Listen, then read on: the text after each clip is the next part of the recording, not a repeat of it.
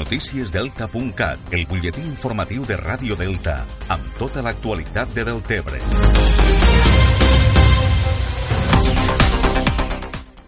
La Junta de Govern de l'Ajuntament de Deltebre ha aprovat una modificació del projecte de la plaça de les Dones per poder acabar les obres que fa 5 mesos que estan aturades. En el modificat del projecte s'ha inclòs les obres que es van executar fora de l'àmbit original, en una superfície de 765 metres quadrats al carrer Martín Buera. Així, l'obra ha passat de tindre un àmbit d'actuació de 2.631 metres quadrats a 3.396. Segons va explicar el tinent d'alcalde de Deltebre Territori, Francisco Castro, en el darrer ple municipal, les obres que s'han executat fora de projecte són una sèrie de treballs a la via pública que estava previst executar més endavant en un projecte annex, però que els tècnics van creure convenient de fer abans per garantir el bon funcionament de les obres. Malgrat això, hauria requerit abans d'un modificat del projecte que no es va fer. La realització d'aquestes obres, fora de l'àmbit original del projecte, han suposat un increment del cost de 43.688.000 euros que es finançaran a través d'un préstec. Castro ha insistit que en cap cas es pot parlar de sobrecost no són ni excessos d'obra, per a la bona execució de l'obra doncs s'han tingut que executar partides que estan fora de l'àmbit. Hi ha 765 metres de més d'obra, o sigui, no és que s'hagi fet una obra mal feta, realment eh, hi ha hagut un descuit per part del tècnic que en aquests moments doncs, no està, perquè crec que d'alguna manera doncs, assumeix que no va tindre el control que havia de tindre de l'obra, però realment han passat d'una obra, com ja hem parlat, de 2.600 metres a 3.000, quasi 3.400. Els grups de l'oposició creuen que tot plegat és fruit de la precipitació del govern per voler engegar les obres abans de la campanya electoral de les municipals del mes de maig. I el portaveu d'Esquerra Republicana, Joan Alginet, lamenta també que el govern hagi culpabilitzat els tècnics i critiquen que l'increment de pressupost es financie a través d'un préstec. Però responsabilitzar tot el que no surt els tècnics, ja ho veurem, en tot cas, jo crec que també també serà bo veure els informes tècnics en base en aquests informes tècnics perquè jo suposo que els tècnics d'esta casa no s'inventen les decisions i les prenen perquè sí algú deu donar alguna ordre o alguna indicació.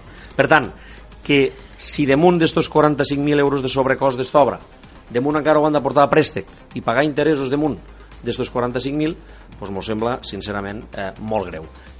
L'alcalde Lluís Soler va rebutjar que hi hagi hagut mala planificació o presses i va assegurar que l'obra estarà acabada al mes de març. Eh, dies abans de les eleccions se va replantejar l'obra, però l'obra se va començar després de eleccions pràcticament. És a dir, no, no és que es corriga, com diu el senyor Carrer, per les, per les eleccions, perquè si mira el timing no coincidia el mateix. I per tant, eh, això per una banda, i la idea és que el mes de febrer eh, o el mes de març, eh, coincidint el 8 de març, el Dia Internacional de la Dona, tinguéssim la plaça acabada, tinguéssim les escultures, en aquest cas eh, motiu de la dona per una escultora local, i que tothom pugui gaudir d'una entrada digna del poble.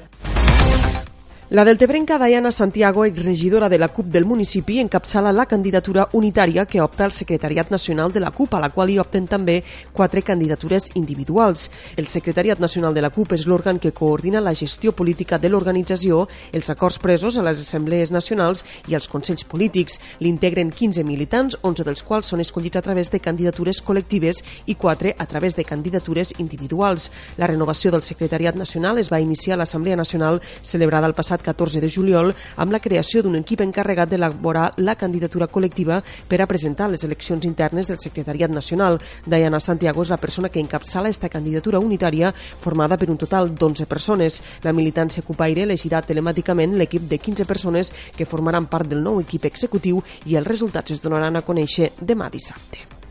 I este pròxim diumenge Deltebre donarà la benvinguda al Nadal amb la tradicional encesa de llums del municipi. Enguany, l'acte comptarà amb la presència dels elfs del Pare Noel que amanitzaran la tarda als més minuts amb l'espectacle musical i familiar Disco Baralluga. L'acte serà diumenge a les 6 i mitja a l'Ajuntament.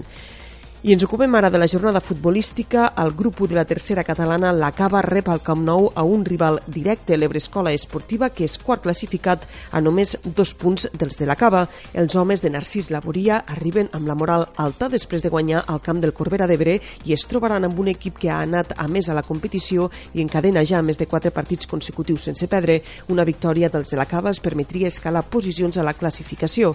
El partit La Cava Ebrescola Esportiva serà diumenge a les 4 al Camp Nou.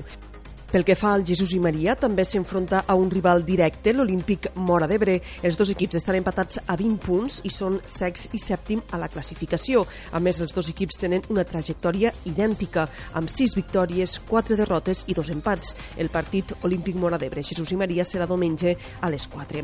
A la quarta catalana, el filial de la Cava rebrà el Remolins Vitember demà dissabte a les 5. Això és tot per ara. Més notícies, com sempre, al portal deltacat.cat.